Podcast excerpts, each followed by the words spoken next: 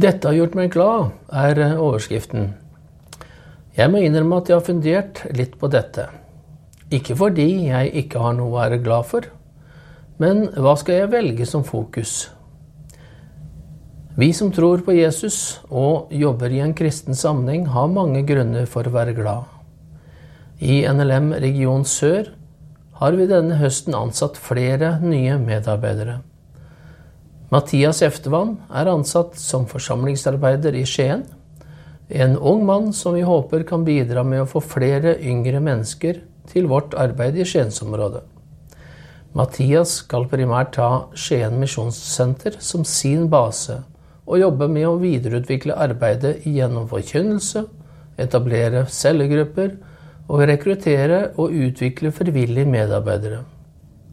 Signo Lava Lindefjell Birkeland er en engasjert dame som brenner for å nå barn, ungdom og familier med evangeliet om Jesus. Signo Lava i Vestre Agder har som oppgave å besøke barne- og ungdomslag og delta på familiemøter. Samtidig skal hun bevisstgjøre på god evangelieforkynnelse til en yngre del av befolkningen. Johan Byremo på Flekkerøy er godt i gang med å knytte kontakt med øyas ungdommer, og jobber aktivt med å få dem med i vårt og IMF sitt arbeid gjennom forsamlingen. Alle disse ansettelsene gjør meg ekstra glad fordi de primært skal jobbe inn mot barn, ungdom og unge familier.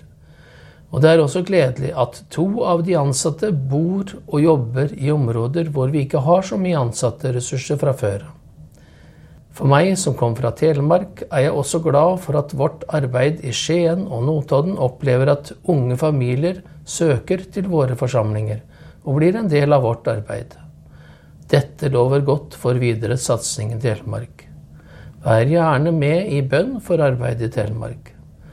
Så håper jeg også at våre ansatte blir tatt vel imot. Og til Mathias, Signolava og Johan, lykke til med dine arbeidsoppgaver.